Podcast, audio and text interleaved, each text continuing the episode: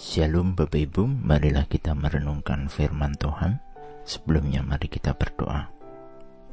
Tuhan, kami hendak merenungkan firman-Mu. Roh Kudus pimpinlah kami. Di dalam Tuhan Yesus, kami berdoa. Amin. Bacaan saat ini diambil dari Yohanes 15 ayat 12.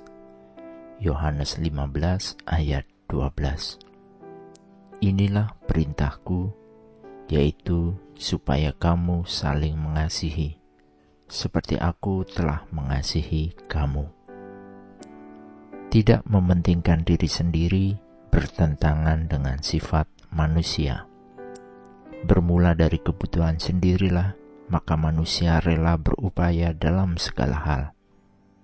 Bukankah kita telah melihat drama dan keserakahan manusia terjadi dalam mementingkan diri sendiri dari keadaan pandemi saat ini?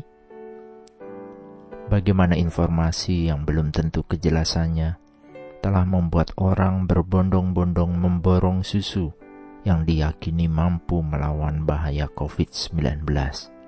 Bagaimana orang menumpuk obat-obatan atau kebutuhan penting lainnya demi keuntungan sendiri dalam memperoleh selisih harga? Mementingkan diri sendiri itulah sifat manusia. Sebagai orang percaya, kita diundang untuk berlaku sebaliknya. Seperti juga perintah, janganlah kamu menjadi serupa dengan dunia ini.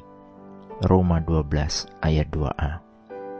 Bacaan saat ini juga merupakan bagian dari hukum kasih yang Tuhan Yesus ajarkan kepada kita, yaitu kasihilah sesamamu manusia.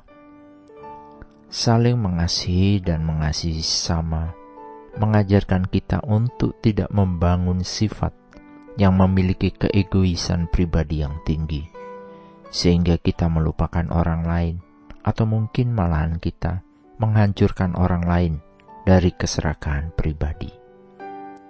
Jika kita mengacu kepada ajaran Kristus, bahwa Kristus memperluas sikap tidak mementingkan diri sendiri jauh melampaui dari harapan normal.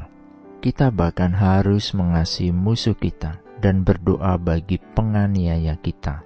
Matius 5 ayat 44 Yesus mengajarkan bahwa mencintai teman atau pasangan itu mudah.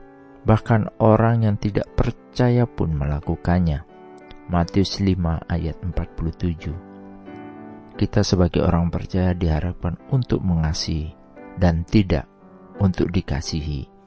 Karena dengan demikian kita menjadi semakin serupa dengan Tuhan yang memberikan berkat kepada semua orang.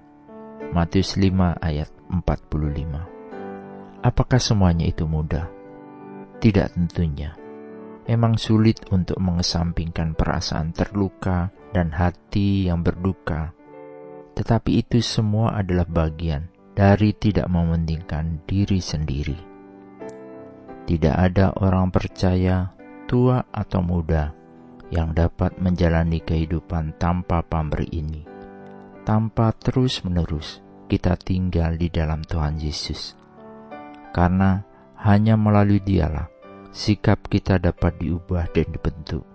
Kita menuju perilaku yang tidak mementingkan diri sendiri jika Kristus benar hidup di dalam manusia batinia kita, dan kita menghidupinya di dalamnya, maka kita akan tetap sejalan dengan Tuhan, dan kita dimampukan melakukannya. Jadi, marilah kita tinggal di dalam Kristus senantiasa. Amin. Mari kita berdoa. Bapa Surgawi, sungguh kami bersyukur ketika kami harus terus-menerus diingatkan untuk hidup dan tinggal di dalam Kristus. Dan hidup yang terus diubahkan akal budi kami menjadi serupa dengan Kristus. Sehingga kami mampu hidup tidak di dalam ego kami, tetapi biarlah kami boleh meneladani Tuhan. Tinggallah di dalam hati kami Tuhan, karena kami percaya Tuhanlah yang memampukan. Di dalam Tuhan Yesus kami berdoa. Amin. Tuhan Yesus memberkati. Shalom.